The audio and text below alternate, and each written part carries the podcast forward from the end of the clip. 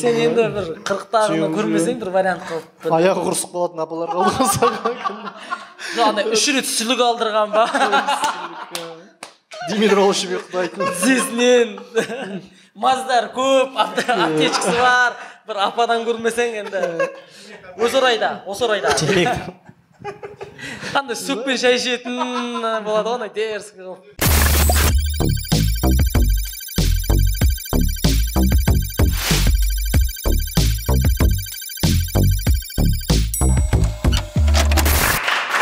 Баршаға сәлем. Бұл админ анон лайф подкасты ә, көрген көргеніме өте қуаныштымын. Келгендеріңе көп көп рахмет. Ә, көріп отқан көрермендерге де көп көп рахмет. Ә, нұрмахан мұханұлы ютуб каналына жазылып қойыңдар. Ә, бұл стендап желтоқсан. Осы жерде өзімнің лайв подкастымды көрермендермен және қонақтармен өткіземін. Ә, бүгінгі лайв подкасттың қонақтары ә, жайдарманның жұлдыздары чемпиондары қазіргі ә, таңда сценарист редактор жігіттер ә, ютубта контент жасап жүрген жігіттер ә, данияр бекжанов аралас және рамазан фаилов экспресс ақтөбе. Қалаған жеріңе отыр. Қалайсың? Ана жігіттің жағдайын сұра көрінбей кеткен анау ғой. Иә Иә. Көрінбей кеткен бір бейне. Дәулет бижановтан кейін тағы отырмын мына жақта Дә- дәулет бижановтың орнына отырды ғой. Біледі ғой сезеді ғой. А мен отырайын ба орнына дәулеттің сен бір рет отырдың ол орынға жетер иә қалайсың рома? Жақсы жақсы өздерінде енді енді үйренісіп жатырмын андай сұхбат болса иә? Қалайсың жақсы деген тек тек сұрақ жауап. Нормально. А иә иә деп немесе иә? Жоқ ол дамытпайтын ары қарай. Басталды ма бастап А, кетті иә. Міне көрермендер ә, ішінде арнайы сен үшін ақтөбеден алдырдық көрермендерді. Қош келдіңіздер қандағаш? Айға- байғанин? Хромтау айтеке би чисто ақтөбе ғой қазір күшті сұхбат болатын сияқты да. Әңгіме. Сұхбат деген бізде сұхбат деген былай елестетеді ғой. Қандай? Ә, біреу отырады түр жасап алып. «Ә, мен өте ауыр сәттерді бастан кештім». и мына жақтан ведущий отырады. Мен сені түсінемін. Шынымен қарайсың ғой сұхбаттарды тоқсаныншы жылдары. Ә, жағдай қиын болды өйтеді да шынымен елде тоқсаныншы жылдары бәрінде жағдай Бәріміз иә қиналдық қой. болды уже ол әңгіме айтқан қызық емес та ешкімге. Енді жақсы жағдайларды айту керек басқасын айту керек та себебі бәрінің басынан өткен дүние ғой. Или былай айту керек тоқсаныншы жыл дерзк болды деп бастау керек. Или сразу солай бастау керек та дерзк болды мен андайларды түсінбеймін мен сұхбат репетициямен алыстым деп па? Менде бәрі күшті болды деп па? Ана болады ғой естеріңде ма? Ана бала кезімізде естеріңде ма жаңағыдай? Ненің сиырдың жағымен пистолет ойнайтын едік ана баклажкалар бүйтіп ойнайтын едік. Сол есіңде ма десе білмеймін мен нормально тұрдым дейді ғой сол сияқты. жоқ анау мотиваторлар бар қазір коуч тренерлер бар ғой. Бәрінің айтатыны сол мен кезінде осындай қиын өмір сүрдім вообще бар ғой мен вообще ондайларды түсінбеймін бар и ғой. М- айтамын да по сути жаңағыдай ғой бәріміз қиналып то есть екі мыңыншы жылдарға дейін айтып жатырмын да. Бұлар енді көрмеді ғой бұлар. Иә, иә. бұлар тәуелсіз қазақстанда туылғандар ғой. Ұшын көрген шығар. Біртүрлі да ұшын көріп деген. Ә, сол қиындықтардың шамалы бер жақтарын көрген шығарсыңдар иә? Жоқ бұлар қара бұлар туылған кезде сондай бітіп жатты ғой анда қиыншылықтар. Иә иә иә. Бұлар бала болып мектепке барған кезде ол басылды. А, басылды. мұнайдың бағасы өсті бәрі нормально. Е е е. Болар болар енді біз жақта мұнай бол сондай болған сондай замандар болған енді сендер әке Иә. шешелерің біледі ғой енді. Біз анау неме телевизормен плоскоутствомен бұрайтын заманда өмір сүрдік қой короче. Пуль- пульт емес орнынан тұрып барып ауыстырасың сен пультсің короче сен пультсің. Бәрі бірақ сол нәрселер де есте қалады ғой көбінесе адамда ше жақсы кездер есте қалмайды неге мен түсінбеймін соны ше Жақсы- есіңе түсіре алмайсың да. Иә жақсы енді біз нашар тұрдық қой десең. Жоқ өзі сондай сөз бар ғой жақсылықты адам тез ұмытады дейтін. Иә қазір жаңағыдай ғой ыыы жаңа мотиваторлардың әңгімесі не үшін шығып жатыр? Негізі өмірінде жақсы сәттер болған ғой бала кезде де ше? Бірақ ол қиналғанын ғана есте сақтап қалған да. Просто қиналып біз жалпы осы қазақ қауымы бар ғой. Аяғанды жақсы көреміз Біреу аяса мені. біреу аяса. Мен жағдайым нашар болып өстім десе уже сразу қарайсың да. Бай дерзко тұрдым десе Жек сен бұның әкесі депутат болмаса бірдеңе мен көре алмаймын короче уже автоматически жек көреді сол сияқты э, қарапайым отбасыдан шыққан бала деп айтады ғой бәрін. Елестей. Қандай басқаша қандай отбасы болуы мүмкін бір сұрақ сонда да. Қарапайым отбасыдан шыққан. Қарапайым отбасынан бұрын ана суперстарда да нұржан мама шықты. Финалда мен есімде сол. Нұржан қарапайым отбасынан шыққан бала дейді да смспен дауыс береді ғой менің ойымша ол кезде жаңағы ход та жаңағыдай не беру үшін. Бірақ келесі сұхбатта айтады біз жақсы отбасыда тұрдық дейді да нұржан керімбаев мамасы алдап жіберген ба білмеймін мүмкін енді мамасы бастапқы кезеңдерін айтқан шығар өмір нұржан басқа кезеңдерін бірақ шынымен барлығы енді тоқсан пайыз қарапайым отбасынан шыққандар ғой иә мен де қарапайым кәдімгідей әкем токар мамам тәрбиеші садикте қарапайым семьяда өмір сүрдік. Жағдайымыз да нашар болған жоқ деп ойлаймын. Аллаға шүкір деп андай вообще мотивация бере алмайтын адам болса сондай қылып айтып айтып айтып неге келіп отырмын мен мына вообще иә біздің жа- жалғастырушы біз әлі қарапайым отбасы болып Иә. сондай ей сондай кітап мен мысалы соңғы кездері блогерлер болсын жалпы жұлдыздар болсын кітап жазғыш болып кетті ғой қазір. А жамандауға көшіп кеттік па? Жоқ жаманда. Жоқ жамандағанда емес енді. Оқылатын кітап болады оқылмайтын кітап болады ғой. Мысалы дұрыс адам мысалы мұхамеджан тазабеков ағамыз кітап жазса оны оқисың да мысалы оқуға тұрады мысалы қазір бар ғой менен бір екі жас төмен қыздар да блог не кітап жазады мысалы кәдімгі кітаптарын көрсетіп жатады да мысалы. И ана кітапты алсаң қасына кружка қосып береді екен короче бар ғой. Енді явно енді ол кітаптың қасына бірдеңе қосып сатпасаң өтпейді ана кітап бар ғой. Ең пайдалысы сол кружка. мен арманым бар да кітап жазып и стол астына кітаптың атпен шығарғым келеді да столдың аяғын ізі бар болады да кітап пайдаға жарамаған күнде столға дәл поставка болатындай да сен миллионер болып кетесің оны шығарсаң. Ну солай шығару. А столдың астында тұратын кітап па? Иә аты да анау ізі сондай болады да дәл соның үстіне стол қойылады да қисалаңдамайтын или былай баста менің 17 жетінші кітабым деп баста короче. Олай да болады. А ондай бірден былай істеуге болады онда. Бірден кружкада бірақ ішіне айналасын сыртына жаңағы жазып тастайсың да ішіп отырып оқи береді да. Два в одном. Да. или олай да микс па? Иә. Иә шынымен білмеймін енді кітап дәуірі анау ақша қазір каспийде ғой. Может кітап сол үшін қызық емес бұрын ішіне салып қояды оқиды. Сонда қарайтын болдым. Романың әзіл бар ғой андай әзілдер ғой. Иә. айтып боласың ғой. Сосын с- айтып боласың ше ана мида ана әзілді қабылдайтын адам болады ғой. Қабылдап үлкен апалар отырады ғой анда мида қабылдап алады сол шуткілерді. Сол ана ішін жуып болып тазалап иісі жуайын деп жатқанда келеді ғой короче. Мынандай бар еді мынандай бар еді деген сияқты. менде қазір менде көп жазатын болды соңғы кезде біз бұрын жайдарман ойнап жүрген кезде бізді жастар аудиториясы мүлдем енді реально айтайын жақсы көрмейтін болды да. Көбісі үлкен кісілер қарайды.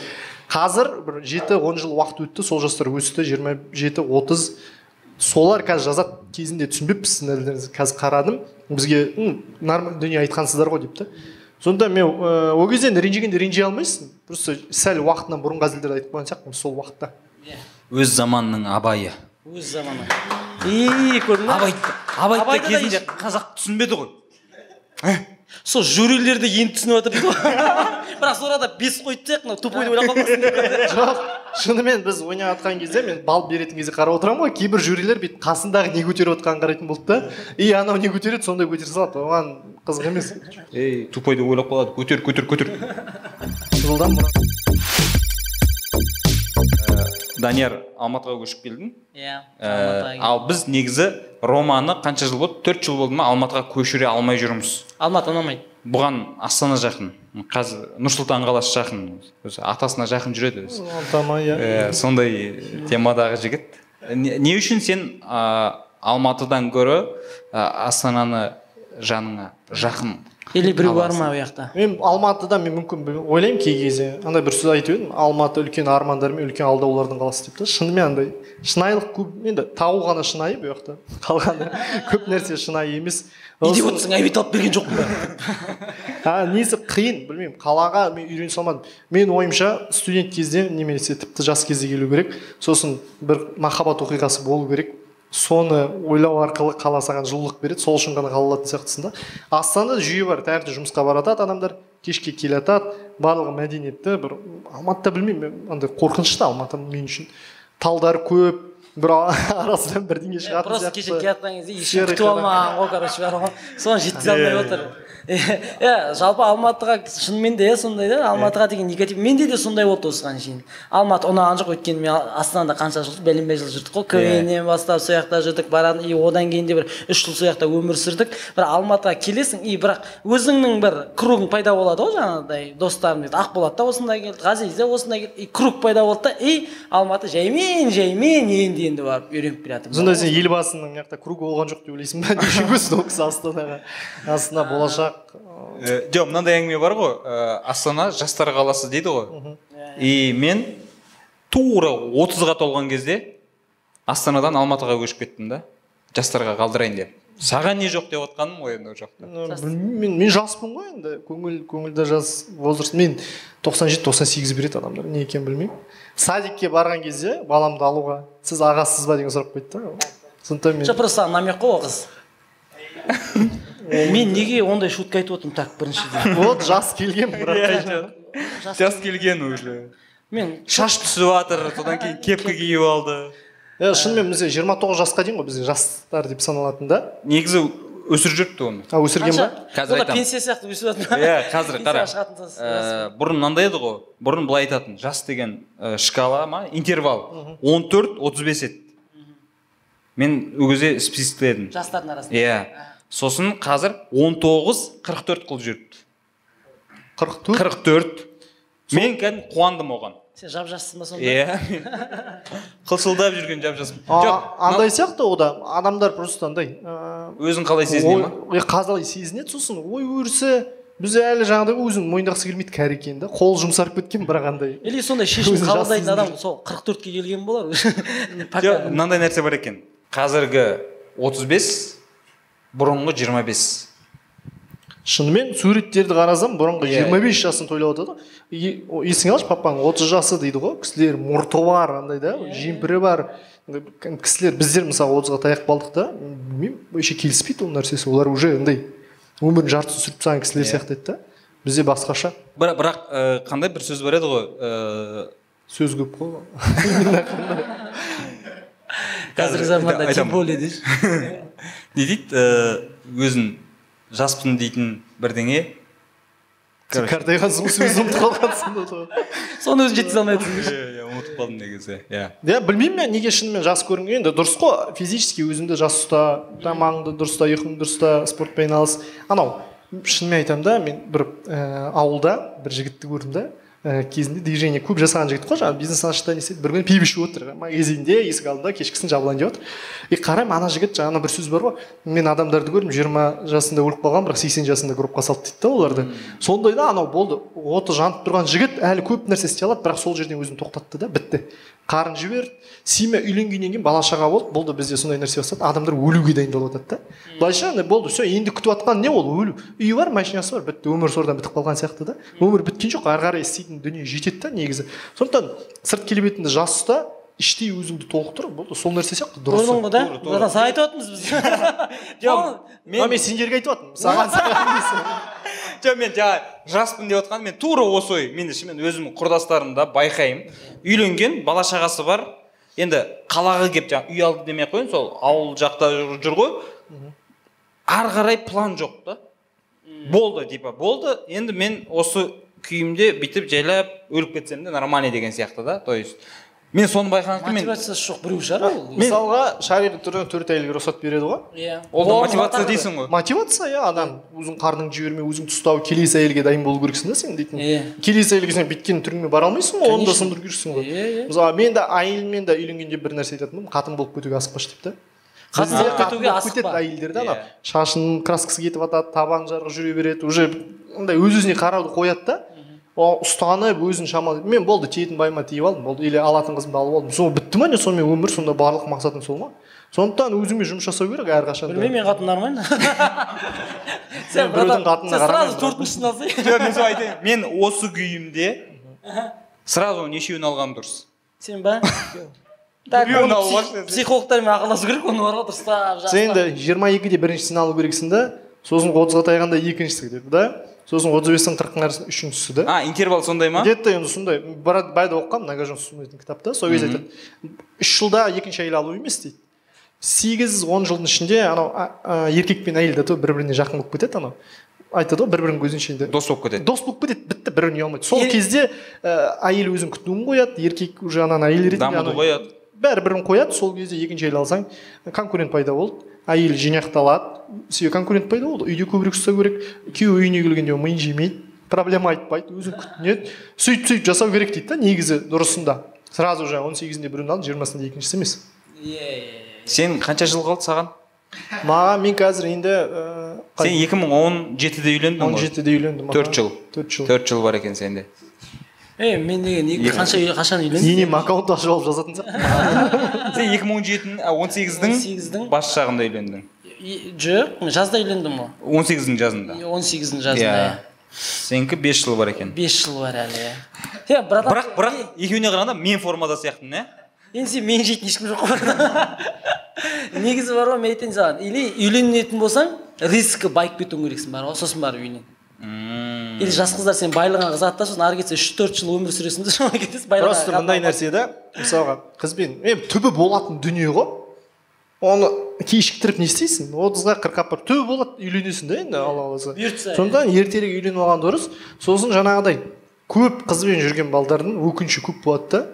Әйелімен ұрысып қалған кезде тағы бірдеңе болмай қалған кезде ананы алғанда ғой деген ой келеді да. Мен қызбен жүрген жоқ менде ой жоқ ондай бар ғой вообще ананы алғанда ғой деп елестете алмайсың да. Красавчик красавчик. Е музыка тыңдағанда да ешкім елестемейді все болды? Болды. Ностальгия жоқ дейді. Ностальгия жоқ. Кім ол? интересный да жүретін сөздер айтып жатыр ғой ана кино бар ғой ә, три метр над уровнем неба соны қараған кезде ішің жыбырлайды біртүрлі боласың. Сосын мен ыңғайсызданып қазір балдардың өзіне жылап қоярмын деп өзім кешке бәрі ұйықтаған соң қарадым. И киноны қарадым мен киноны да түсінген жоқпын. Себебі кинода сенде сондай оқиға болу керек екен ана сезіну үшін да. Сосын сондықтан жаңағыдай қинамаңдар өздерің қинап не істейсіңдер? Иә дұрыс ана үйленіп ал бәрі болатын нәрсе болады он сегізде үйлен жиырма бесте үйлен сол ә, сол қиындық көретінің. Ну, ерте жаста көріп тастаған жақсы да. отызға дейін сосын спокойно ары қарай. Ә, қазір три метр көрдің ба? Жоқ. Мен вообще ондай вообще түсінбейді ғой. Ондай темада жоқпын вообще. Ә, вообще қандай қыздар ұнайды саған? Соны айтшы маған қазір қазір айтамын. кстати кеше қара мен кеше шаршап келіп ұйықтайын деп жатқанмын бүгін енді съемкаға дайындалу керек ерте тұру керек деп ше? Иә. Енді ұйқыға кетіп бара жатқан кезде инстаграмда біреу мынандай коммент жазыпты да мен сені алдыңғы әңгімелеріңе қарап дұрыс жігіт деп жүрсем кеше сен сахнадан тұрып жас иіс туралы айтып жатсың. Бір ана шалдардың әңгімесіне ұқсап кетті дейді да мен айттым енді ол әзіл ғой сондай шалдарға айтылған әзіл ғой десем сол шалдардың ішінде өзің жоқ шығарсың деп ше. Мен ана ойланып қалдым мен мен ана әзілді қалай түсіндіремін ана өзің әзіліңді түсіндіргеннен ауыр нәрсе жоқ қой негізі. Иә иә. Бізде жас иіс деген ол негізі вообще дәстүрден бар нәрсе ғой. Жаңа рамазанның айтып жатқаны негізі түбі жас иіске келеді. Мен насихаттап жатқан жоқпын. Бізде тарихта болған нәрсе ғой жалпы. Бар нәрсе ғой дегенім ғой. Жаңағыдай әйелі оған уже қалай айтамын дос болып кетті да. И ол басқа иісті аңсайды қайтадан тірілсін жандансын иә жарқырасын иә. шамалы анан мысалы үшін өмірге деген оты сөніп бара жатады ана кісінің ше сөйткен кезде ол өзін жаңағыдай жинау үшін жас иісті аңсайды да. Ол айтып отырмын ғой ол мысалы үшін өзінен бес жас адамда болған жас иіс негізі. он жас адам жас кіші адам қызда жас иіс. Бірақ бізде міндетті түрде жаңағыдай 18 жиырма жастың аралығында қыздарға тіреліп қалады да. Мен соны былайша айтқанда әжуалап айтқаным ғой. Мынау қалаулым сияқты болып жатқан жоқпыз ба? Коммент жазған адамға жауап беріп жатқаным ғой мен ана ұзақ жазғым келмеді да «Ә, ұйқы кетіп бара жатырмын да әзіл ғой дедім да жаздым да. Соған. Қазір сен айтқан соң. Көрдің ба саған жас қыз жазып жатыр сен ұйқың келіп бара жатыр уже не то братан сен. Болмайды түнде олай ұйықтап қалып қина өзіңді үйрен. Қыздар жазған әше ұйықтамау керек десе. Әше мен мен мен түсіндім. Он бірде жатып үйренбе мен саған айтайын. Ол жаман нәрсе. Иә. Мен түсіндім осы әңгімеден кейін ше осы әңгіме емес негізі. Мен шынымен де ұйқыға деген махаббатым қаттырақ екен. Ұйқымен жүріп жатсың ба? Иә. Мысалы үшін болады ғой біреулер әртүрлі кайф іздейді ғой біреу. Жаңағы біреу иіскейді біреу шегеді біреу қыздарға барады деген сияқты. Мен соның үшін бәрінде спискте ұйқы тұрса мен ұйықтап алған дұрыс көремін да. Неге? Өйткені ертең мен ертең күнді ойлаймын да. Ертең ертесіне. Сен ертеңгі күнді ойлайтын болсаң маған он сегізінде үйленіп кететін маужырап жүргім келмейді екен. Жоқ адам жалғыз болса көп ұйықтайды дейді. Сондай не психологтардың несі бар? Жалғыздықтан сладкий көп жейді көп ұйықтайды дейді. қасында бір қорылдайды сен мысалы. Үйленсең де ұйықтатпайды ғой ол. Ютубты үйде біреумен қарап отқан күшті ғой. Өзің қарағаннан конечно. Жүрген қызың ұзақ уақыт жүрген жоқсың әлде қысқа уақыт. Тез тез үйленіп барлық қызды үйленгенсің көрдім мен осы пікірдемін яғни екінші жағында. Осы орайда? Иә мен бір теория бар да айта салайыншы. Сосын сендер как опытный адам ретінде жалғастырасыңдар. Мынандай теория естігемін да мен. Ә, не үшін жаңағыдай қысқа уақыт жүріп үйлену керек дейтін. Екі адамның бойында жылу болады дейді. Жылу кәдімгі. Ол енді ауамен ұстайтын жылу емес сондай бір түсінік жылу дейтін иә? И көпшілік жастар жүрген кезде жаңа жылуды бір біріне беріп тастайды да үйленгенге дейін беріп тастайды да жылуды бір біріне ше? Процесс уже басталып кетті. И ә, үйленеді ғой. Мысалы үшін біреулер 5 жыл жүріп үйренеді біреулер там 10 жыл жүріп үйлен, үйленіп жатқандар бар. Содан кейін анау үйленгеннен кейін ана жылу таусылып қалғанда уже. Уже бере алмайды бір біріне қыс басталып кетқанда отопление болмай қалады сол сияқты. ғой жылу азая береді дейді жылдан жылға. Ал керісінше сен үйленгенге дейін сол жылуды сақтап иә бір біріңе бірден беріп тастамай. Сол нәрсемен үйленгеннен кейін бөліссең ол жылу арта береді арта береді арта береді. Ана қызық бір біріңе деген қызығушылықтарың таусылмайды бірден таусылып қалмайды. Өйткені өйткені мен үйленген достарымның көбісінен естимін екі жыл екі айдан кейін қызық бітті дейді да. Мен кәдімгі ойланып қаламын. Сөйтсем сондай дейді мысалға неде да дінде анау пайғамбар айтады ғой неде үйлендім дегенде бір сахаба кімді алдың дейді мен біреудің әйелін алдым дейді да неге жас қыз алмадың деп айтады да сол нәрсені түсіндірген кезде ә, екеуің де дым көрмегенсің жас қыз. Ол ұзақ жүргеннен пайда жоқ шынымен бір имам айтады ғой сен он рет үш рет кездесіз он рет кездесіз қыз саған онында да айша болып көрінеді дейді да үйленгеннен кейін айша кетті қайда кетті деп қалап отырасың дейді да сол үшін үйленіп тастадың қалған нәрсенің барлығын бірге көрдің үйленіп тастағанда адамда мінез болады екеуіңде екеуің де енді жассыңдар от болады да. Ә, бірінші енді былай ойланып отырсаң енді қатынас та төсек қатынасы ашық айтқанда да. Ол нәрсе ол да процесс та. Сен екеуінде де мінез бар ұрысып қалдыңдар бір бірінен бірақ кешке бір төсекте жатасың жақындастың да.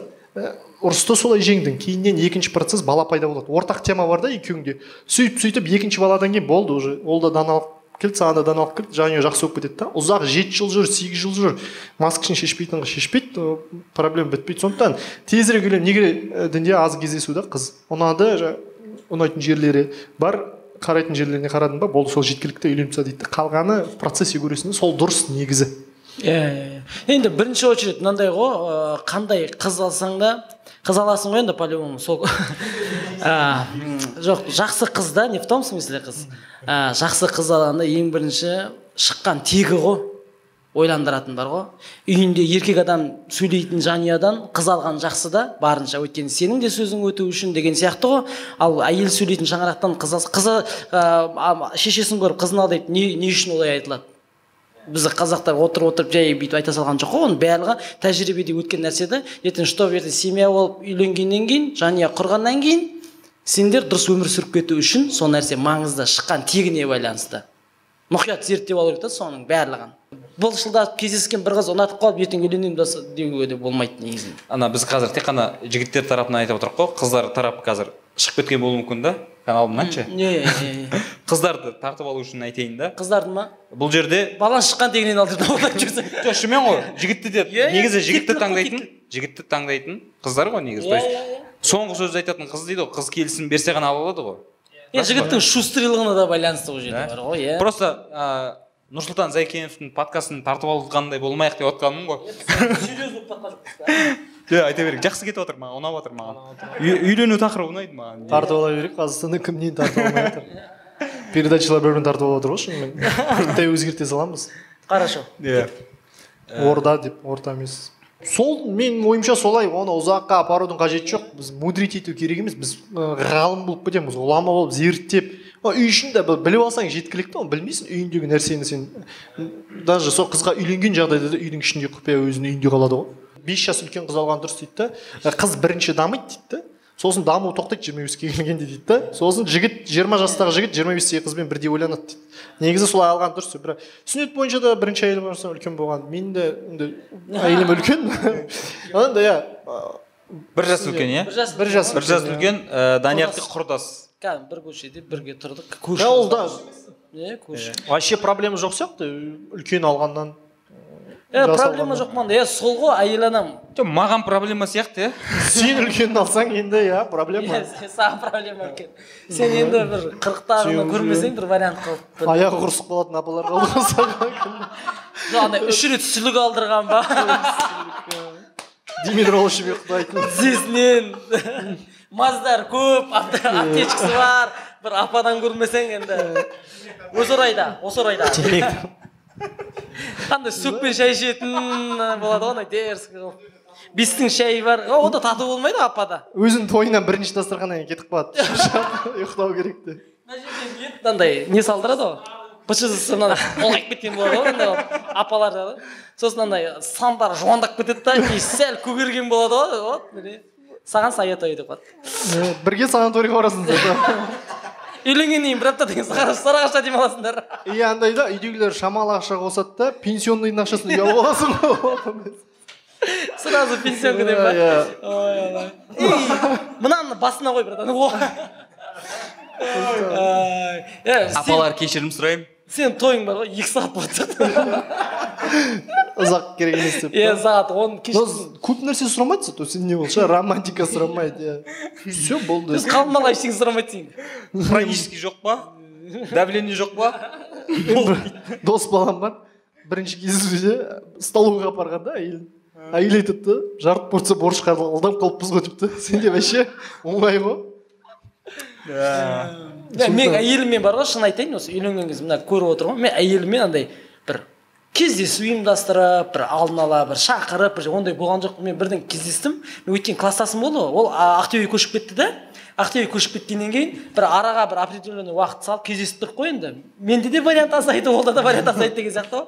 Мен де по идее красавчик болдым десең в общем сол қызбен кездесетін болдық та и бір уақыттары сосын бардық ол оқу оқу деп кеткен ғой. 12 жыл медакадемия оқыған и соны бітірді короче бітірген кезде попадать етіп тұрмын ғой мен. Сосын кездестік сөйлестік мен сразу айттым бар ғой. Мен жүретін уақыт жоқ деймін ол менде деді ғой короче сразу да ол да менде деді. В общем келістік мен айттым сразу үйленеміз дедім. Өйткені мен оның әке шешесін танимын деген сияқты ол менің әке шешемді танимын. Бірге бірге и сразу келістік та сол арада да үйленеміз дедік та. Бір жыл бірақ жаңағы не болды? Тойды белгілейтін Иә. бірақ күн салқындап келе жатқан кезде попадать еттік қой енді. Ә, содан кейін сразу келесі жылдың жазына қойдық та сразу үйлендік қой. Абат айымбетовтің туған жездесі. Қазақстан ұлттық абат айымбетов бар ғой қаз- Да- данияр бекжановтың деп айт А. науатай дейсің ба данияр бекжановтың қайнысы абат айымбетов. Балдызы да? Бізде балдыз деп айтады. А балдыз дей ма сендерде балдыз. Иә балдыз біз жақта сендерде деппін ғой балдыз ғой біз жақта тоже.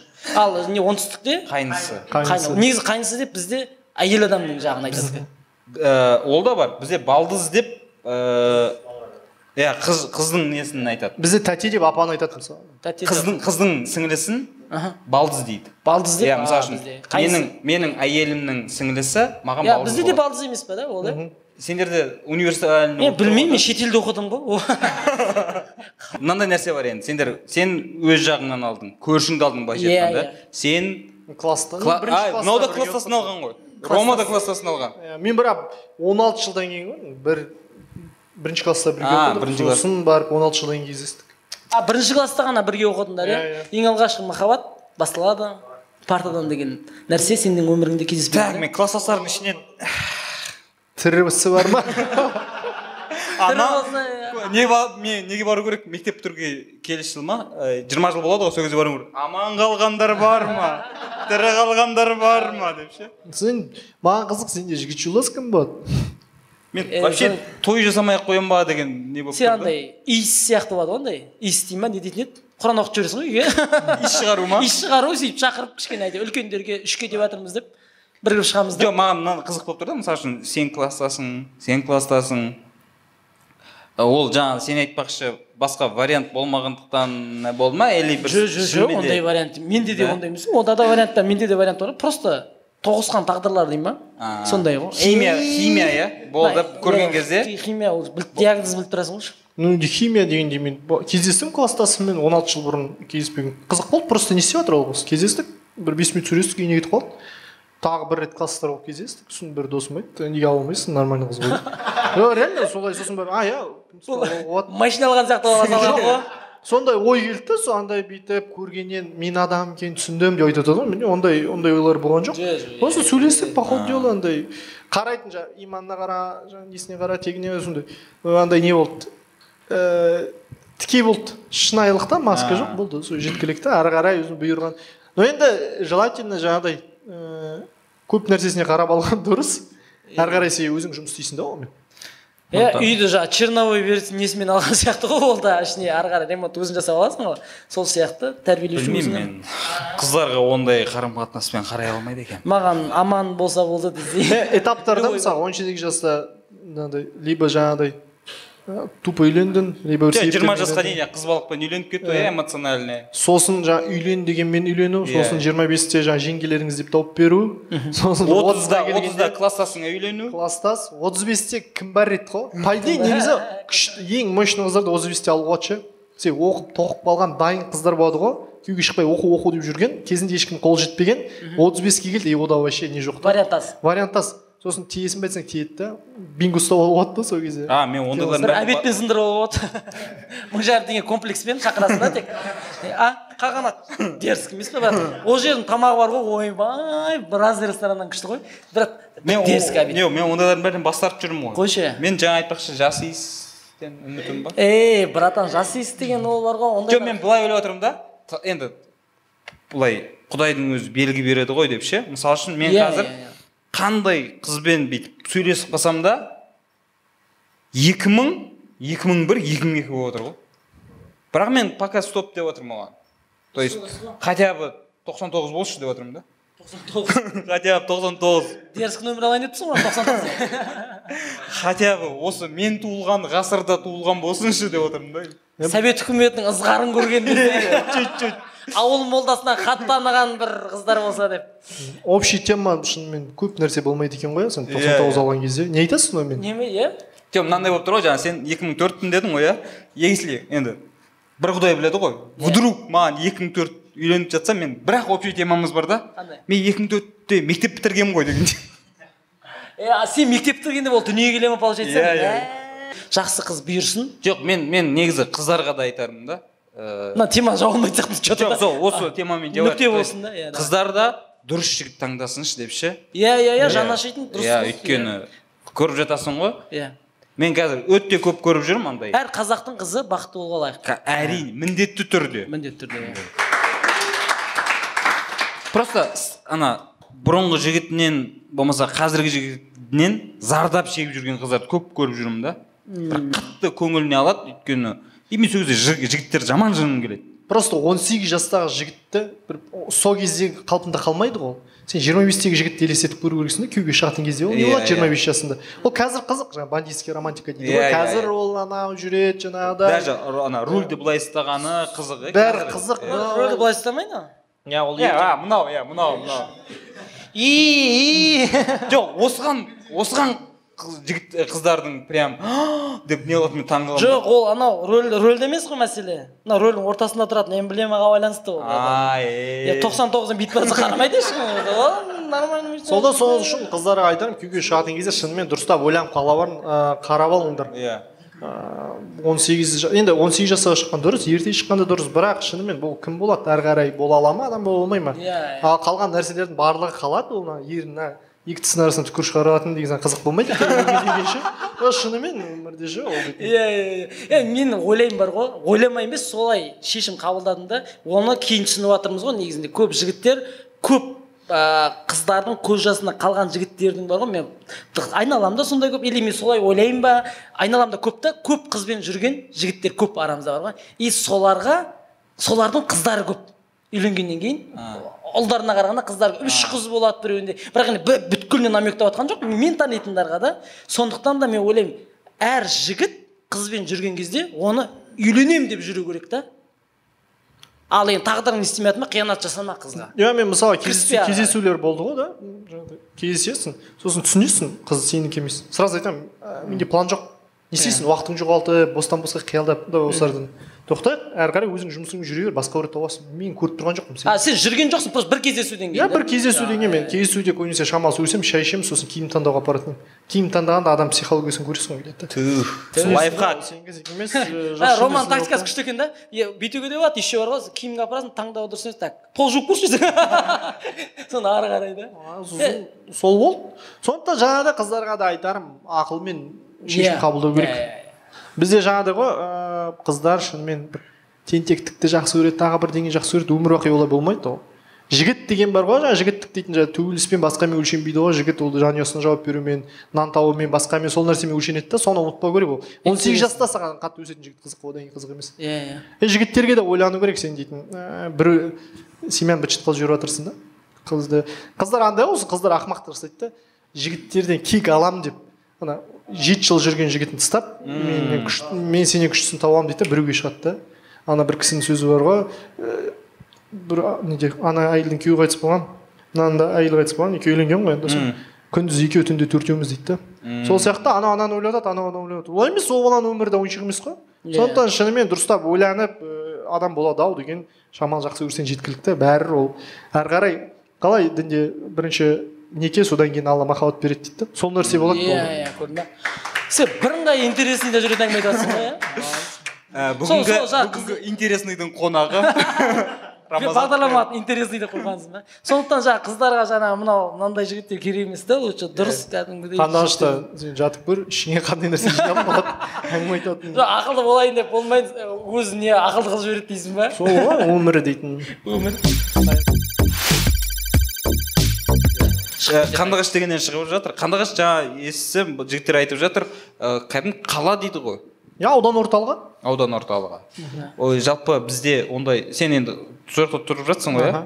Несі қандай ыыы не дейді инфраструктура? Ә, облыс болады деген әңгіме бар. Ә, жаңағыдай ақтөбе миллионер қала болады қандаш облыс болады деген. Сондай арманмен жүр облыс орталығы? облыс орталығы. Қазір не істеп жатыр? Жол салып жатыр. Бірақ та жаңағыдай ә, шынымен қалада өткенде бір жігіттермен сөйлесіп отырмын да қандашта жаңағы істейтін көп нәрсе жоқ. Спорт зал бар мешіт бар да. Сосын бір екі жаңағыдай заведение бар да. Либо арақ ішесің да либо мына жастарға көбірек сондай нәрселер ашу керек та. Қазір бизнесмен кісілер шығып жатыр мен рахмет айтамын ол кісілерге. Көп нәрсе салып жатыр да жігіттер айтады өзінің бизнес жүргізіп жатыр қаланы көркейтіп жатыр ол кісілер өзінің бизнес жүргізіп жатқан жоқ. Рахмет айтып жіберсе бола ма мысалы? Конечно. Бақытжан дейтін ағамыз бар мен жеке тан- таныспын бірақ та ондай жаңағы бір демеушілік бірдеңе емес. Шынымен ыыы андай алла разы болсын ол кісі. Көп нәрсе жасап жатыр да жұмыс орындарын ашып жатыр тағы бірдеңе мәдениетті қалыптастырып жатыр. Мысалға шығыс асханасы дейді ғой восточный кухня үлкен ресторан ашты да андай ә, халық барып андай ә, қазан кебаб деген тамақтарды жеп көріп жатыр да халық үйреніп жатыр мәдениетке. Сондай бизнесмендер көбею керек та қала көркейеді сол кезде. Қаланы біз көркейтпесек кім көркейтеді? Шынымен өзінің жаңағы тұрғылықты нелері болмаса жасай берсін бизнесін. Бірақ ол халыққа көмектесіп жатыр. Да о қандыағашта қазан кебап бар екен иә деп отырсың иә жоқ мен мен осы енді. тақырыпта өткенде бір ә, бауырыммен сөйлесіп қалдым да. Бізде жаңағы мынандай әңгіме бар ғой. Ой ана ана анаға беріп тастапты мына жерді анаға бизнесменге беріп тастапты. Негізі андай әңгіме бар ғой. Американы америкаға алған бизнесмендер дейді. Иә ол өзінің бизнесін жүргізеді. Бірақ ол мынау өзіне берілген территорияны күшті қылып иә, жібереді иә, да иә, ана ақшасын шығарып алу үшін ол инфраструктураны жақсартады түрлі орталықтар ашады. И анау қаланың бір көрікті мекеніне айналады негізі.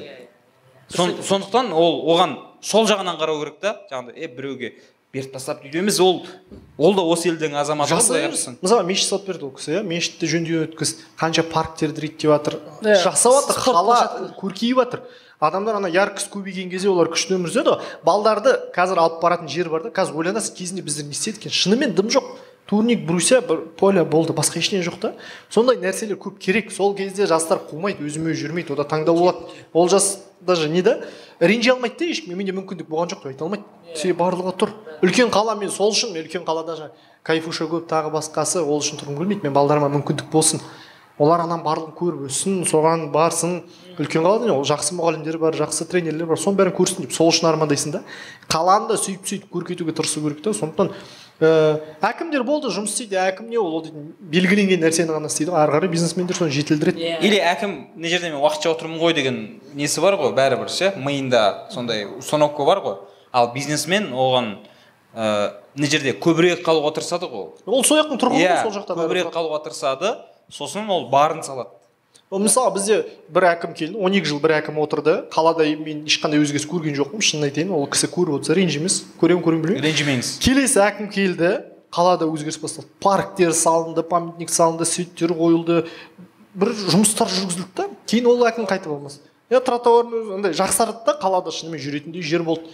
Ол нәрсе керек та шынымен Ә, соны ә, бізде үлкен проблема да аралда да енді енді келе жатыр да. Енді енді жаңағыдай парктер жаңағы нелер ашылып жақсы жақсы келе да біздің ә, просто burada не айтқым келеді? Ә, жаңағы бизнесмендер өзінің туған жеріне жаны ашу керек дейтін нәрсе ғой ұғым ғой бұл жерде енді.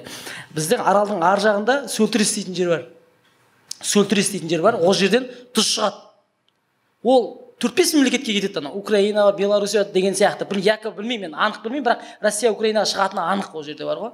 Ә, күніне бәленбай миллионға жуық не шығады тұз шығады. И сол жерде жұмыс жасайтын адамдардың зарплатасы сексен елу мың ғой сексен мың елу мың теңге да. Елу мың сексен мың. Елу мың сексен мың где то не. Орташа стабильный айлық сол короче. Жақында сол жер халқы не- неге шықты? Бастықтарына айтты короче дальше біз жұмыс жасай алмаймыз. Біздің айлығымызды жоқ дегенде жүздің үстіне шығарса екен деген ұсыныспен. Апалар кәдімгідей күн салқын бетонның үстіне жатты деген сияқты. Сол кезде мен жаным ашып кетті действительно бар ғой. Біздің бізде жыным келетіні бір завод болсын тағы сондай бірдеңелер ашылса сол жердегі адамның несімен есептейді да бұларға жүз мың жарайды. Жүз мың емес даже бар ғой. сексен мың елу мың жарайды деп стабильный бір айлықты қойып қояды да и соған жұмыс жасап беріп қояды да. И ол деген басқа завод мысалы балық заводы бар аралда сол кішігірім сол жерге шығады да мен ол жақтан кішігірім оның бюджеті деп білемін енді бар ғой. Одан ондай нәрсе требовать ете алмайсың. Ал анау тұз деген бар ғой төрт бес мемлекетке шығып жатыр ғой. Сол жерде хотя бы біреуінің айлығы жаңағы орта есеппен орташа жалақы жүз елу мың қылып қоятын болса довольно жұмыс жасайды да ана жерде адамдар бар ғой. Соған жаны жейді иә мен сөлтіресті де көрдім бәлендей ана ауылды бар ғой кішкентай ауылды жайнатып қоюға болады негізі бар ғой. Аралға да әсер ете алады ол. Енді бір істеген жақсылықтары енді мен ойлаймын арал гостиница шығар. Осыған шейін азып жатты қазір күшті қылып қойды бірақ енді дальше бірдеңелер жасаған шығар мен білмеймін. Бірақ сол жерді жаңағы хотя бы сол жерде терін еңбектерін кәдімгідей ағызып төгіп жатқан адамдардың жалақысын аямау керек қой негізі беру керек қой достойный қылып бар ғой. Жүз елу мың екі жүз мың қылып қойса да аз емес ғой. А көп емес. Өзім солай ойлаймын. Иә ол дұрыс өте. Кілең жаңағыдайлар отырған шығар деп мен енді біреу ренжіп қала ма білмеймін даже бар ғой ренжісе ренжитін шығар. Бірақ мен іші күйсе дұз жаласын сол именно сөлтіресті болсын сөлтіресті даже аралды күшті қылып жайнатып қоятын несі жетеді да оның А, бюджеті жетеді. мынандай мен теория айта берейін пока деп па? А, мынандай теория бар. Жаңағыдай не үшін айлығы жоғары болу керек не үшін бизнесмендерге добро беру керек иә? Воля беру керек. Істе істе деп. Мынау ақшаның ә, ақша адамдарда ақшаның функциясы оборотта болу екен да. Мысалы үшін оның жаңа айлығы ә, қазір 80 мың болса ол мә осы жетпей қалады дейді да қалтасына салып алады ғой. Бірақ 200 мың болса ол барып тағы бір жерден барып тамақтана бастайды. Иә. Ол тамақтанған кезде төлейді ғой. Ол жерден жаңа официанттардың сол персоналға айлық жалақы үстеме қосылады. Ол алып барып тағы бір жерге барады. И ақша мына жақтан шыққан ақша сөйтіп айналып келіп өмір сүреді да былай ақша. Ал егер ол ұстап қалатын болса біреу болды ол дальше даму жоқ. И анаған бармайды оның бизнесі құриды анау анау и былайша айтқанда иә ақшаның қызметі оборотта болу. Сол ғой, сол сол көп болған кезде ол оборотта болады өсірген дейді бір қанша процент? Енді елу мың алатындар сексен мың алады сексен мың алатындар кетеді. Жүз мың сол аумақта ғана бір белгілі бір пайызға шейін өсірген короче бірақ жаңағыдай ғой аяқ қалады да действительно еңбек етіп жатқан солар да бермейді деп өкінішке орай. Соны ішіндегі нәрсе жиналып қалды просто осы жерде айтып жіберейінші дегенім ғой он екінші жылы маған жүз мың жалақы жетеді ма деп сұрады да. Мен жүз мыңнан мен папам жүз мың теңге алып көрмеген ешқашан мен миым істемей қалды жүз мың теңге деген ше. Болды мен все потолок болды. Жетеді дедім бірақ жүз мың теңге жетпейді екен. Одан кейін екі жүз мыңдық жалақы төрт жүз мыңдық бес жүз мыңдық жалақыға дейін жұмыс істедік та. Жетпейді. өйткені сен нең арта береді. Потребность арта Иә. береді студент кезде жаңағы бір восточный кухня болды. Бізде сол жаққа барып тамақ ішесің да ақшаң болған кезде бір манты палау. Тәтті да тамақтар. Кейіннен бір бірнеше жылдан кейін қайтадан бардық та тамағы дәмді емес та. Сосын айтамын мына жақтың повар өзгеріп кеткен сен өзгеріп кеткенсің дейді да одан поварда емес мәселе. Шынымен сен одан жақсырақ нәрсені жеп көрдің да. карантиннің кезінде мен көп ойлайтын едім ауылда туысқандар тағы бар ғой. Уайымдайсың солар үшін қиналып жатқан шығар жаңағы жалақылары көп емес сондай. Осы карантин кезінде ауылда көбірек болдым туыстарым қасында болдым тағы достарым қасында. Сол кезде түсіндім әркім өзінің деңгейінде бақытты. Олар ана үлкен нелерді көрген жоқ олар сол деңгейде бақытты. Жетіп жатыр өзіне. Сондықтан мынандай әркім өз деңгейінде бақытты келесі деңгейге кеткің келе ма? Сен дама оқы ізден. Ә, андай мен жаңағы сіздің ауылға не жоқ айтып отқан жоқпын. Жалпы қазіргі нәрседе да жалақы негізі дұрыс төлену керек. Бірақ та көп жағдайда айтады ә, бізде айтып жатады ғой ой жалақы дұрыс емес тағы бірдеңе дұрыс емес сен өзіңді сәл дамыт та курс оқы да басқа бір мамандыққа ауысшы жалақысы көбірек та. Соны істемейді ана бір жерде жүре береді Да. сосын ренжиді келіп. Просто мынандай нәрсе бар кешірім сұраймын сөзімді бөлгенге жаңағыдай иә өз өзін дамытуға адам өз өзін ешқашан аямау керек қой. Бірақ жаңағыдай жерлер бар ғой ата анасы бар ә, қолында жалғыз бала шыға алмай қалады. Шыға алмай қалады ол. Дамығысы келеді иә сен айтқан нәрсені істегісі келеді бірақ қаққа барады ата ана кемпір шал қарап отыр саған амал жоқ жаңағыдай жерлерде жұмыс істейді. Ал жаңағы жерлердің айлығы жаңағы ол сексен мың теңге қазір жетпейді. Иә иә оған сексен мың теңге. ұят қой бар ғой. Жоқ сен айтып отырсың ғой олар наразылық танытып жатыр деп отырсың ғой. Белгілі ол- деңгейге иә. өсірді дейді енді. Мен Иә. білмеймін алла уәлім бірақ иә ол енді наразылық танытқанда олар түсінді. Бұл ақша олардың еңбегіне тұрмайтынын да Иә. енді түсінді. Ертеректе түсінуге болады ол нәрсені да мысалға Иә, соны иә. білсең. Сол қол қоятын кезде былайша иә айтқанда. Иә қол қояды мен жаңа айтып жатсың ғой сен екі мың он екіде жүз мың жалақы жете ма деп сұрады деп.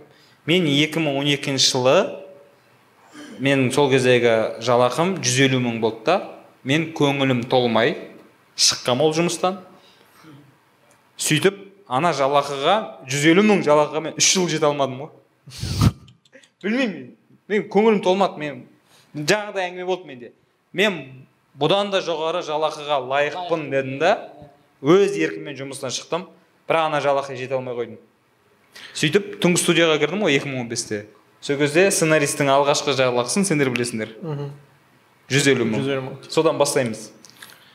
Кезде ойладым да үш жыл ана жаққа мына жаққа бүйтіп ана бүйтіп бүйтіп жүрдім да бірақ иә. Қайтадан жүз елу мыңнан бастадым да былайша айтқанда ше? Түнгі студияда жұмыс істеп жүргенде менің айлам мысалы басында автор болып жұмыс жасадық жүз елу мың алып жүрдім. Кейін ведущий болғаннан кейін ведущий сценарист болып жүрдім еще да. Айлық төрт жүз мың болды ғой. төрт жүз мың теңге ай сайын аласың айлық. Ойлашы төрт жүз мың теңге үйленбеген адамға мықты ақша ғой негізінде. Сол сол жетпей қалады ғой. Өйткені жаңағы анда кетеді мында кетеді көп жүресің деген сияқты. көп нәрсені білмейтін сияқты да ана үстегі кісілер да ол өлшеммен жасайды ғой мына жаққа мынау жетеді ол ішінде өмір сүріп көрген жоқ та. Менде мындай ой болды бұрын жаңағыдай ә, квнде неге жаңағы с- саяси әзілдер ойнайтын болдық та. Себебі сол кісілерге жеткізейік мүмкін шынымен жетпей жатқан шығар. Иә. қандашта бізде бір тұсом болды. Ә, мен студент болатын кезде очередьқа тұрасың ғой тұсонға барып. Таңертең төрт жарымда охранникке барып жазыласың сен очередьқа төрт жарымда ұрсаң жиырмасыншы болып жазыласың сен. Төрт жарым анау бірінші адам нешеде келетінін білмеймін. Ұйықтамайтын сияқты шынымен ше? Түнгі ровно он екіні күтеді да жазылып кетеді ғой сондай сияқты и мен ана не істедім? Астанаға келген кезде жаңағы жібек дейтін дос қызымыз болды Иә, иә. сөйлесіп соны айтамын ол «А, ондай бола ма не дейді да ол астанада туып өскен қыз да ондай бола ма не сонда дейді ой черт сосын мен ойландым мына қыз просто астанада туып өскен қыз соны түсінбей жатыр значит ана үстегі кісілер вообще олар бұны көрмеген оларға айтып жатыр осы жетіп жатыр халыққа деп та сондықтан осыны жеткізіп айтып мен кісілерге соны айтамын ғой айтып түсіндіру керек мысалы шынымен сексен мың теңге қазір жетпейді халыққа жетпейді ол қаншама не өсіп жатыр да сен көрімдігің де өсіп жатыр ғой ауылда. Мың Иә. теңге беретін көрімдік жоқ қой қазір да Иә, бес мың- мың теңге бересің он мың теңге бересің да сондай да. иә. сол үшін сол кісілердің жағдайына қарай шынымен қара жұмысшылардың жұмысы өте ауыр ғой. Кейде жаңағыдай ұяласың да шынымен ана. Сен жұмысқа жалғызсың ғой. Иә. аз береді ш- шынымен ана кісілер шаршап келіп жатыр қолы тілініп жатыр да. Оның ақшасы мүлдем аз да сенің бір, бір қиналып тапқан ақшаң жетпейді. Еще шаң. Ойлашы? Шаң көздерін жауып алады да сол тұздың арасында таңертең сегізде кіріп кетті ма түсте обеді бар дейші кешкісін сол жерден жаңағы жерден шаң шаң болып келеді да үйге құлайды. Ой еще денсаулығына зиян ғой. сексен мың теңгеге. Анау бір айлықтан ақша ұстап қалды деп ойламаймын ана семья бар ғой денсаулығыма деп алып қалатын адамдар қазақтарда жоқ қой жалпы өзімізде. Соған ана айлықтан вообще алып қала алмайсың да ғой сексен мың теңге. демалыс сондай кісілерге жасап тұру керек та көбірек та сыртқа шығару нелерге апару көрсету. Ол жақсы өмірді көбірек көрсету керек көрсету керек көрсін.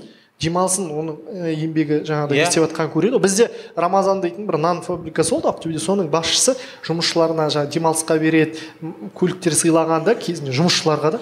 Шынымен үлгі тұтарлық жаңағы нұрдәулет дейтін мешіт пен сауда үйі бар сол жақтың жаңағы технический дейді ғой. Сондай қызметкерлерге демалысқа дубайға жібереді дейді.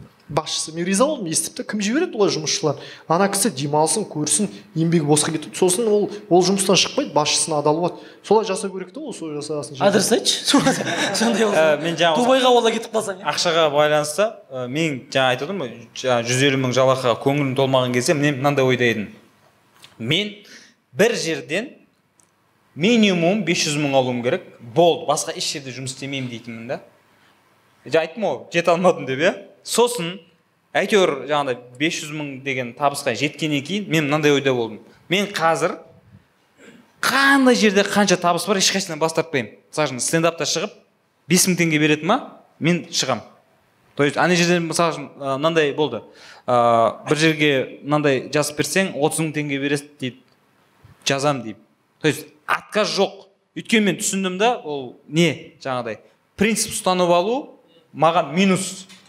Мен жаңағыдай жоқ маған бес жүз мың берсеңдер бермесеңдер істемеймін деген, деген чуть бір тәкаппарлық көрсетіп қойып едім жете алмай қалдым да оған. Енді қазір айтып отырмын ғой жаңағыдай өткенде біз стендаппен концерттер жасадық қой. Айтайын ба сол кезде қаншадан алдық? Қанша? Ә, алғашқы екі концерттен жеті мың теңгеден келесі сегіз мың ба сондай болды. Үшінші концерттен үш мың бірдеңе алдық.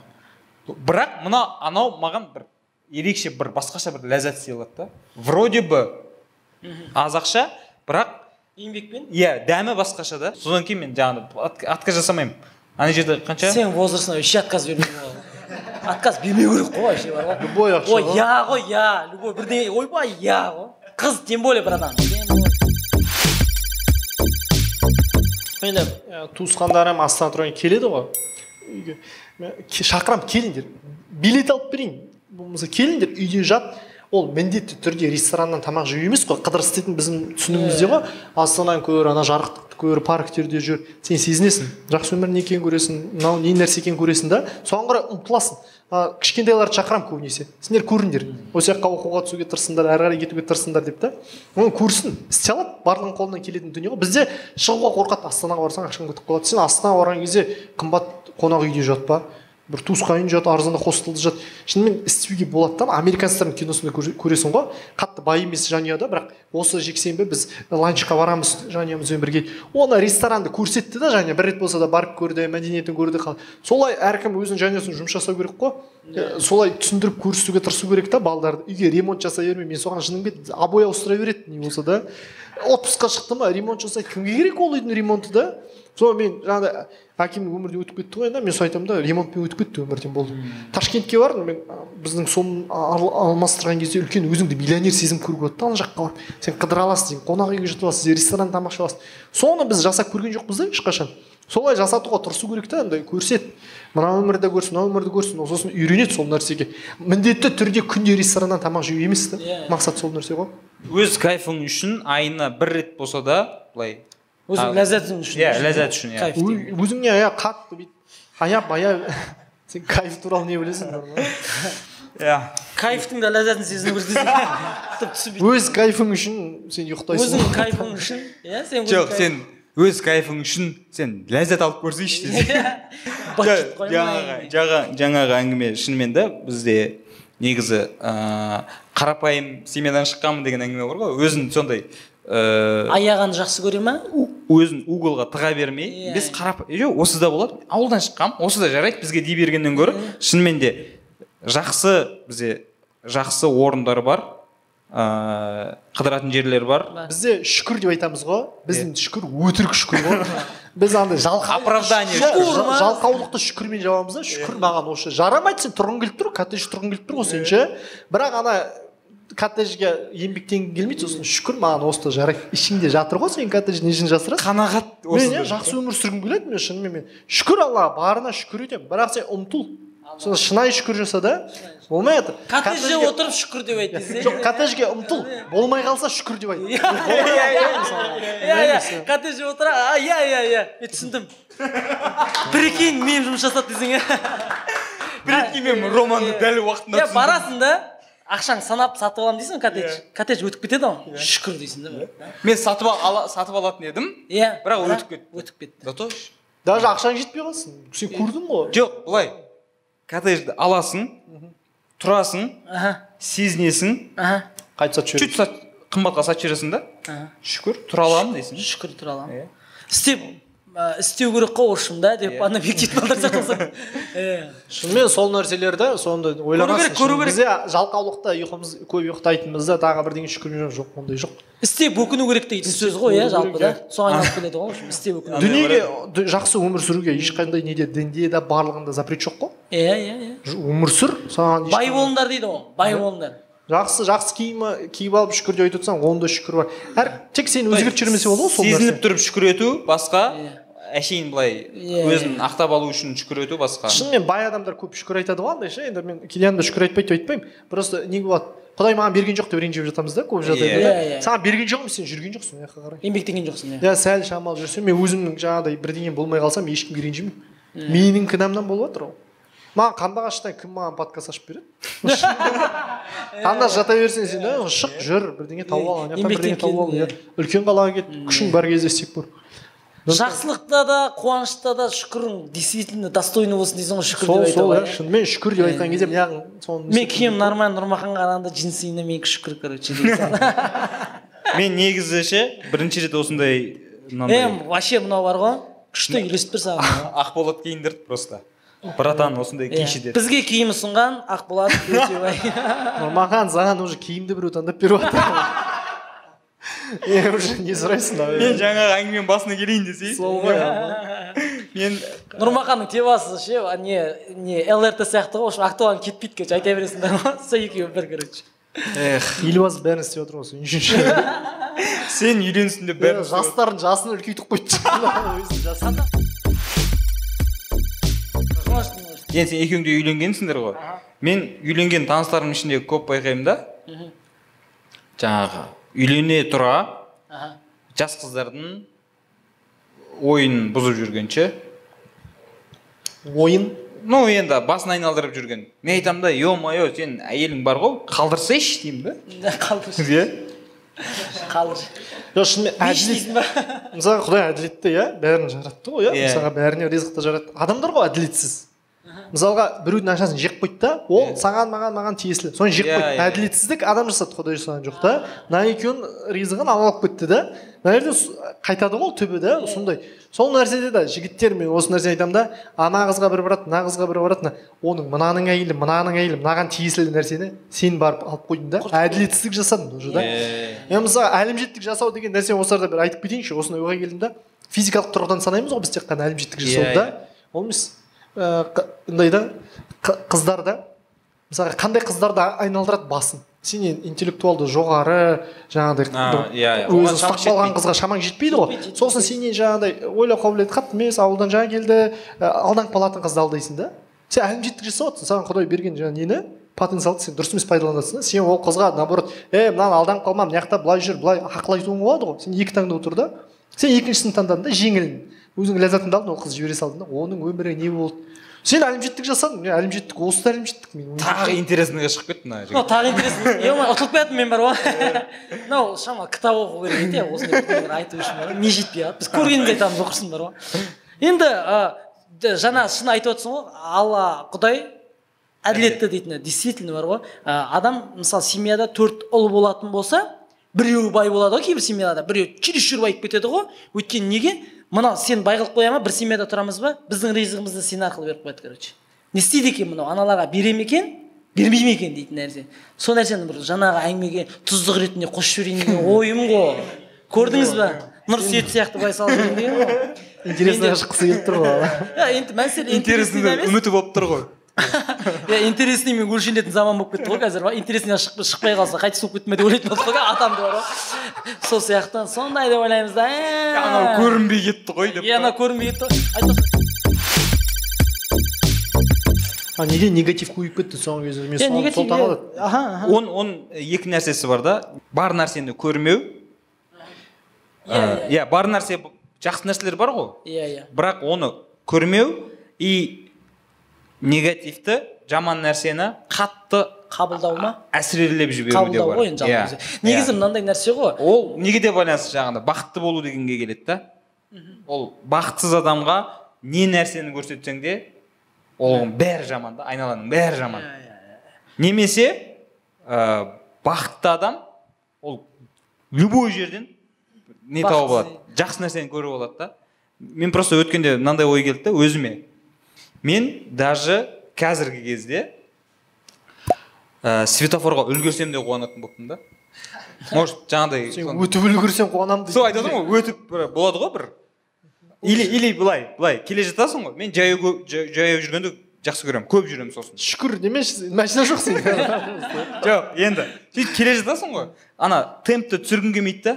Келе жатқан кезде светофор жасыл жанады. То есть пешеход и өтіп кетесің күтпейсің ештеңені өтіп кетесің. И сөйтіп бір квартал алдыңнан жасыл шыға береді да и мен бүйтемін да ес деймін да өзіме ше өзіме жазып қоямын бүйтіп ше. Сен уже тп болып баратсың братан бар ғой саған бар ғой братан.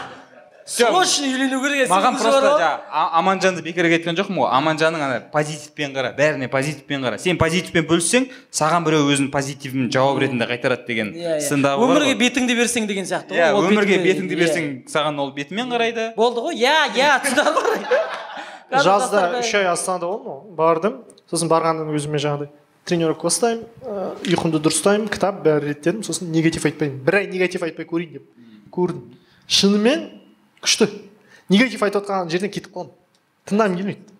Шынымен мынандай күшті болып жүресің. И жұмыстарың да реттеле бастайды. Шынымен негатив айта берудің қажеті жоқ көбірек ше нұрболханнан айтып тастап еттің ғой. Нұрболхан мен оқымаймын. Инстаграмды шынында инстаграмды өшіріп тастасаң өмір күшті болып көрінеді. Өте өте. Өйткені бар ғой неге? Мысалы мен неге жыным келеді? Неге инстаграмда отыратын адам күшті нәрсесін салады ғой? Жаман нәрсесін кім салады?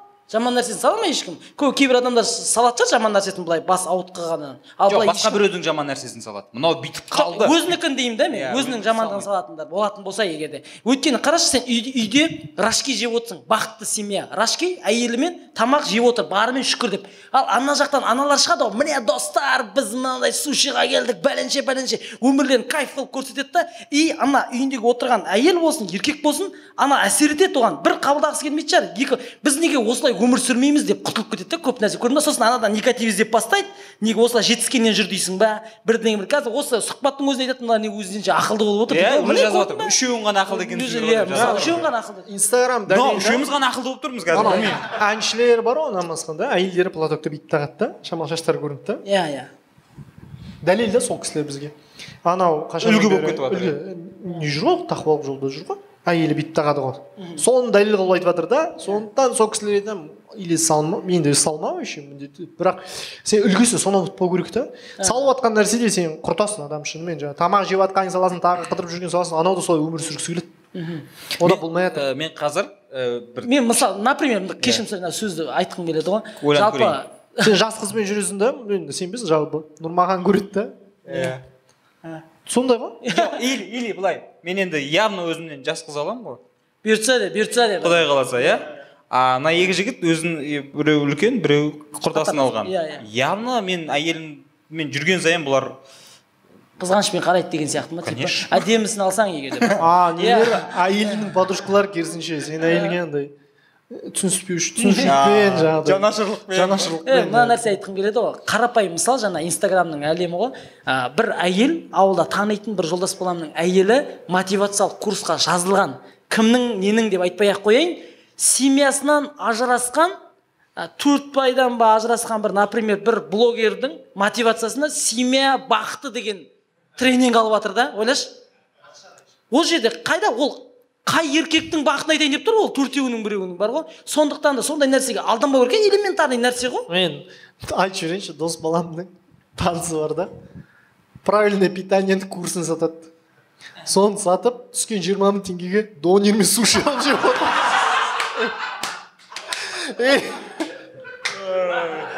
Ах, шынымен солай болып жатыр да қазір ше иә иә иә сондықтан сене бермеңдер ол дейтін иә ше, ол- инстаграмдағы жүрген адамдардың бәрі бірдей бақытты я болмаса бәрі бірдей бай емес не бола тамақ пісіретін не деп айтатын еді? Қандай блогер?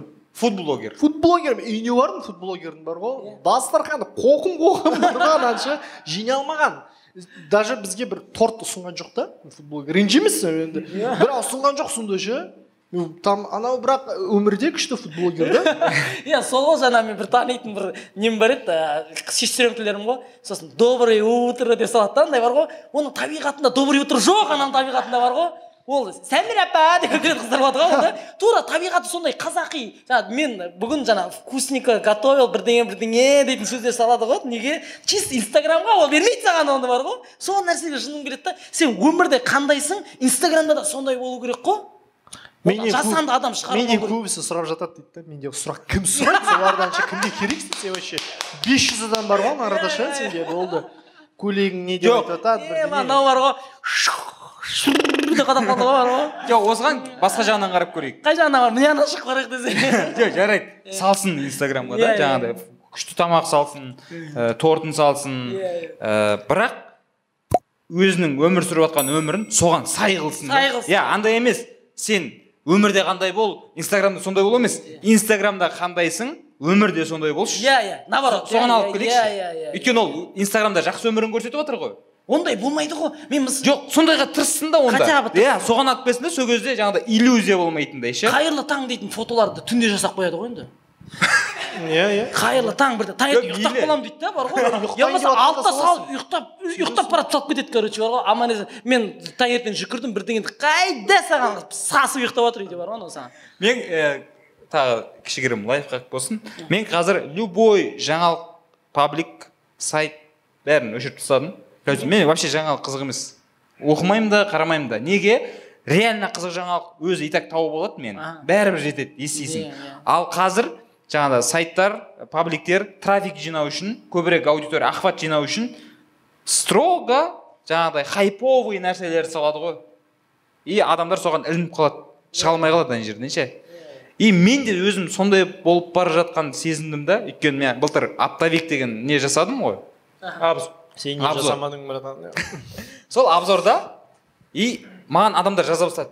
Ә, там «Ш- қашан шығады қашан шығады. И менде өзімді мынандай ә, сәтте ұстап алдым ғой былайша айтқанда есімді жинап алдым. Мен строго сондай жаңалықтар іздеп отыр екенмін да. Так мына туралы шутка жазу керек мына туралы шутка жазу. Ана жаңақшы жаңалық маған көзіме ілініп жатқан жоқ просто ше. Негатив. Мынаған тиісу керек мынаған тиісу керек и бүйттім да мен. Е мен негативтің ішіне кіріп кетіппін ғой. Жайдарман өзінде бар ғой мен редактормын мысалы біздер ойнаған уақытта біз ана жюриден жақсы балл алу үшін айтқан жоқпыз ана жаңалықтарды тағы бірдеңені ше. Қазір команда өзі білмейді не айтып тұрғанын. Просто ә, жемқор шенеунік дейді да жаңағыдай әкім жеп жатыр. Сол бір тақырыпта неше жылдан бері ауысқан жоқ. Ол өзі түсінбейді ол өзі жаңағыдай жүрген бала ғой. Сол тақырыпты айтады да. Ал халық оған риза болады шапалақ ұрады. Шындықты айтып жатыр. Ол шындықты айтып жатқан жоқ ол білмейді. Ол просто жағып жатыр да. Жалпы не сияқты ғой айтыста да болады ғой мен қатты бір сол жерде шулату үшін айтатын ұйқастырып жатыр деп алдына сырым айтқан Иә, жоқ иә, қой. иә, просто білмейді сол жерде шулату үшін де айтып жатады дейтін сияқты. Иә мен білемін халықты шулату үшін не нәрсе айту керек екенін ше кімді жамандау керек қалай болу керек. соны істесең сол формула жұмыс жасайды енді қарапайым иә мен мысалы қосып кетейінші осы жерде. Жаңағыдай мысалы вайн ғой мысалы вайн түсір актуальный темаға вайн түсір или жаңағы тик ток түсір егер сен мен мысалы сондай ха, интересный жақсы көретін болсам егер мен просмотр жақсы көретін болсам сол нәрсеге жақын болатын болсам давно вайн түсіріп или давно тик ток түсіріп кететін уақытым болды біз ол нәрсені қаламаймын хайпты өз басым жыным келеді бар ғой. Мысалы қарапайым халық мысалы қазір ә, умра ашылды демей ақ қояйын да например мысалы бір жақсы жаңалық тұрса и сосын пәленше семьясымен ажырасыпты десе қайсысын қарайтыны белгілі ғой уже. Қайсысын қарайды явно сен ажырасуды қарай ана тәуекел жетіп аламыз ғой бірдеңе қарамайсың одан кейін. Сол сияқты ғой адам соған жұмыс істеп кетті. Халық нені қалайды соған жұмыс істеп кетті. Сол жаман да. Мына жаққа қарай тартатындар аз да. Былай қарай жақсылыққа қарай. И жақсы нәрсені көруге тырысайық деп. Жақсы нәрсені көруге тырысайық достар. Иә жақсы жігіттерді көруге тырысайық қыздар иә жас жақсы. бестегі бұның етік әрі етік әрі өзі жас. Пенсионкасы бар. ипсы бар да ипсы бар ипсы бар аха. міндетті түрде жаңағы көргеннен кейін айтады осы үшеуі ғана ақылды деген Иә, сияқты ше не мақсат мақсат өзімізді ақылды қылып көрсету емес қой. Шынымен де сені мені менің мақсатым бар ғой передо осыған шақырған кезде келген жаңағы не деген сөлтірес деген нәрсені айтқым келді да сол ойым соны иә өзімізді мазалап жүрген Сұрақтарымыз иә, өз әңгімелерімізді айтып қалу ғой. Иә шынымен иә өз ойымыз просто пікірімізді Ойымыз, иә, ешкімге ақылды ешкімге ақымақ емес. Бұйырған өмірге деген көзқарасымыз біздің видениемен ғой короче. Иә біреудің басқаша көзқарасы болуы мүмкін. бір біреуді тәрбиелеу болмаса бірдеңені істеу дейтін мақсатта емес просто өзіміздің басымыздан өткен оқиғаны айтып беріп жатырмыз. Или сол нәрседен біреу сабақ алып жатса неге керемет емес? Разве это не керемет? екі екі имам несін айтады да білімді кісілер ғой енді. Аттары қай имамдар екенін білмеймін. Екі мазхабтың несі. Бір бірінің үйіне қонуға барады ғой. Сол кезде ә, түн не істейді тамақты той жеп барады бір имам. Екі ә, түнде бір имам тұрып намаз оқиды екіншісі жатады.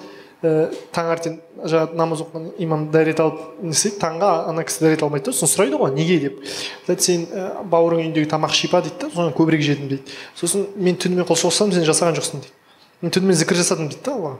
Ол да құлшылық дейді. Сосын мен дәрет алдым алған жоқсың сен дейді да. Мен түнде ұйықтаған жоқпын дәретім бұзылған жоқ дейді да. Сосын сұрайды ғой мына кісі қандай екен деп. «О, одан білімді кісі жоқ екен дейді. Сосын ана сұрайды мынадан мына кісі қандай екен? Одан білімді кісі жоқ екен дейді да. Сонда екеуі де өзінің нәрселерін біліп тұр да екі түрлі көзқарас өздерінің дәлелдерімен өздерінің өмірлік жаңағы философияларымен сүріп жатыр да. Сондықтан солай сүру керек қабылдай білу керек шынымен. Несіне ренжисің ол солай істеп жатыр? Сен сияқты болу міндетті емес бүкіл адам. Бірақ жақсы жағына қарай болса екен дейді ниет қой біздікі Иә, иә, бір ғұлама кісі айтып еді ғой қазақстанды көтерейік деген. шынымен қазақстанды көтерейік. иә көтермесе де әйтеуір ешкімге зиянымыз тигізбей барынша әйтеуір жақсы нәрседе үлгі болса сол жоқ сен дамысаң иә иә. мен дамысам рома дамыса о, ел и так алға жылжиды ғой. Дамыса иә. Жоқ жалпы енді мынау ғой мысалы Артқа тартқаннан сенде қанша подписчик бар мысалы? Менікі а ютубта ма жоқ ютубта болсын инстаграмда ютубта енді елу мыңның енді сен сол жақтың басшысың ғой былай қарап отқанда не саласың и не бересің сол халықты содан тұтынады да и алатын мен нәрсесін алады. мен өзімнің ютуб каналымның нұр сұлтаным болып тұрмын ғой. Иә сол ғой айтқым келіп тұрған. Ей! Орныңызды босатпайсыз ба? Тоқаевтар бар ғой десең. Е. В общем жоқ мен орнымды босатсам да алысқа бармаймын ғой алысқа кетпеймін ғой. Кете алмаймын ғой мен. Мына әзіл бар ғой. жоқ каналымды тастап кете алмаймын ғой мына әзіл бар емес па вообще мындай қызық емес әзіл емес па андай бір андай ойшыл адамдар күледі ғой мен плюс отыз бес нормально. А, плюс отыз бес. Э, петька сондықтан мен чапаевтың анекдотымен өскен кісі ғой. Одан не күтесің жоқ маған маған көп жазатын сен ә, каналыңды тастап кете саласың дейді да. Иә. Ә, енді кетіп қалмау үшін Иә. каналға жазылыңдар иә. Мен қанша уақыт болды айтып жүрмін. Жүз мыңға жетейікші деп ше? Иә иә. Жүз мыңға жету үшін иә. Просто менде мысалы азын шоғын подписчик бар ғой сендерде азын шоғына подписчик бар. Әркім өзіне ертең ол нәрсенің де сұрауы бар ғой. Е сен не айттың оларға не көрсеттің неле үлгі болды? Хотя бы ешкімге де біреуіңе де анаған бүйтші сөйтші демей ақ сол контентіңді дұрыс направлениеге салып отыру керек та. Мен өзімнің ойым. Жақсы нәрсеге. Сен ешкімге былай істе былай істе деп айтпасаң сол хотя бы сол халыққа е былай істеген дұрыс та жаңағы былай жамандық істемеңдер жақсылық істеңдер деп сол жақсылыққа үгіттеп отырып солардан дұрыс нәтиже шығарсаң соның өзі үлкен плюс деп ойлаймын. Жұртты тәрбиелемей ақ қойшы құрсыншы іспен иә шын жаңағыдай шынайы іспен жаса солай өмір сүр. Сосын сен көретін адам көреді алатын алады алмайтын алмайды. Абай атамыздың өзі енді былай қарасаңыз айтады ғой. Керек нәрсеңді ал керек емес болса өзім сөзім өзімде. Сол нәрсе ғой болды. Шәкәрім сөзі бар ғой өзіңмен. Күрес өлгенше дейтін. Шәкәрімдікі ол шатаспасам е шәкәрімдікі ол. Шәкәрімді естігемін десе. Е, жоқ главный ол жерде кім айтқанда емес не айтқанда ғой мәселе иә көп рахмет сендерге. Көрген адамдарға да көп рахмет. Келгендерге де көп көп рахмет.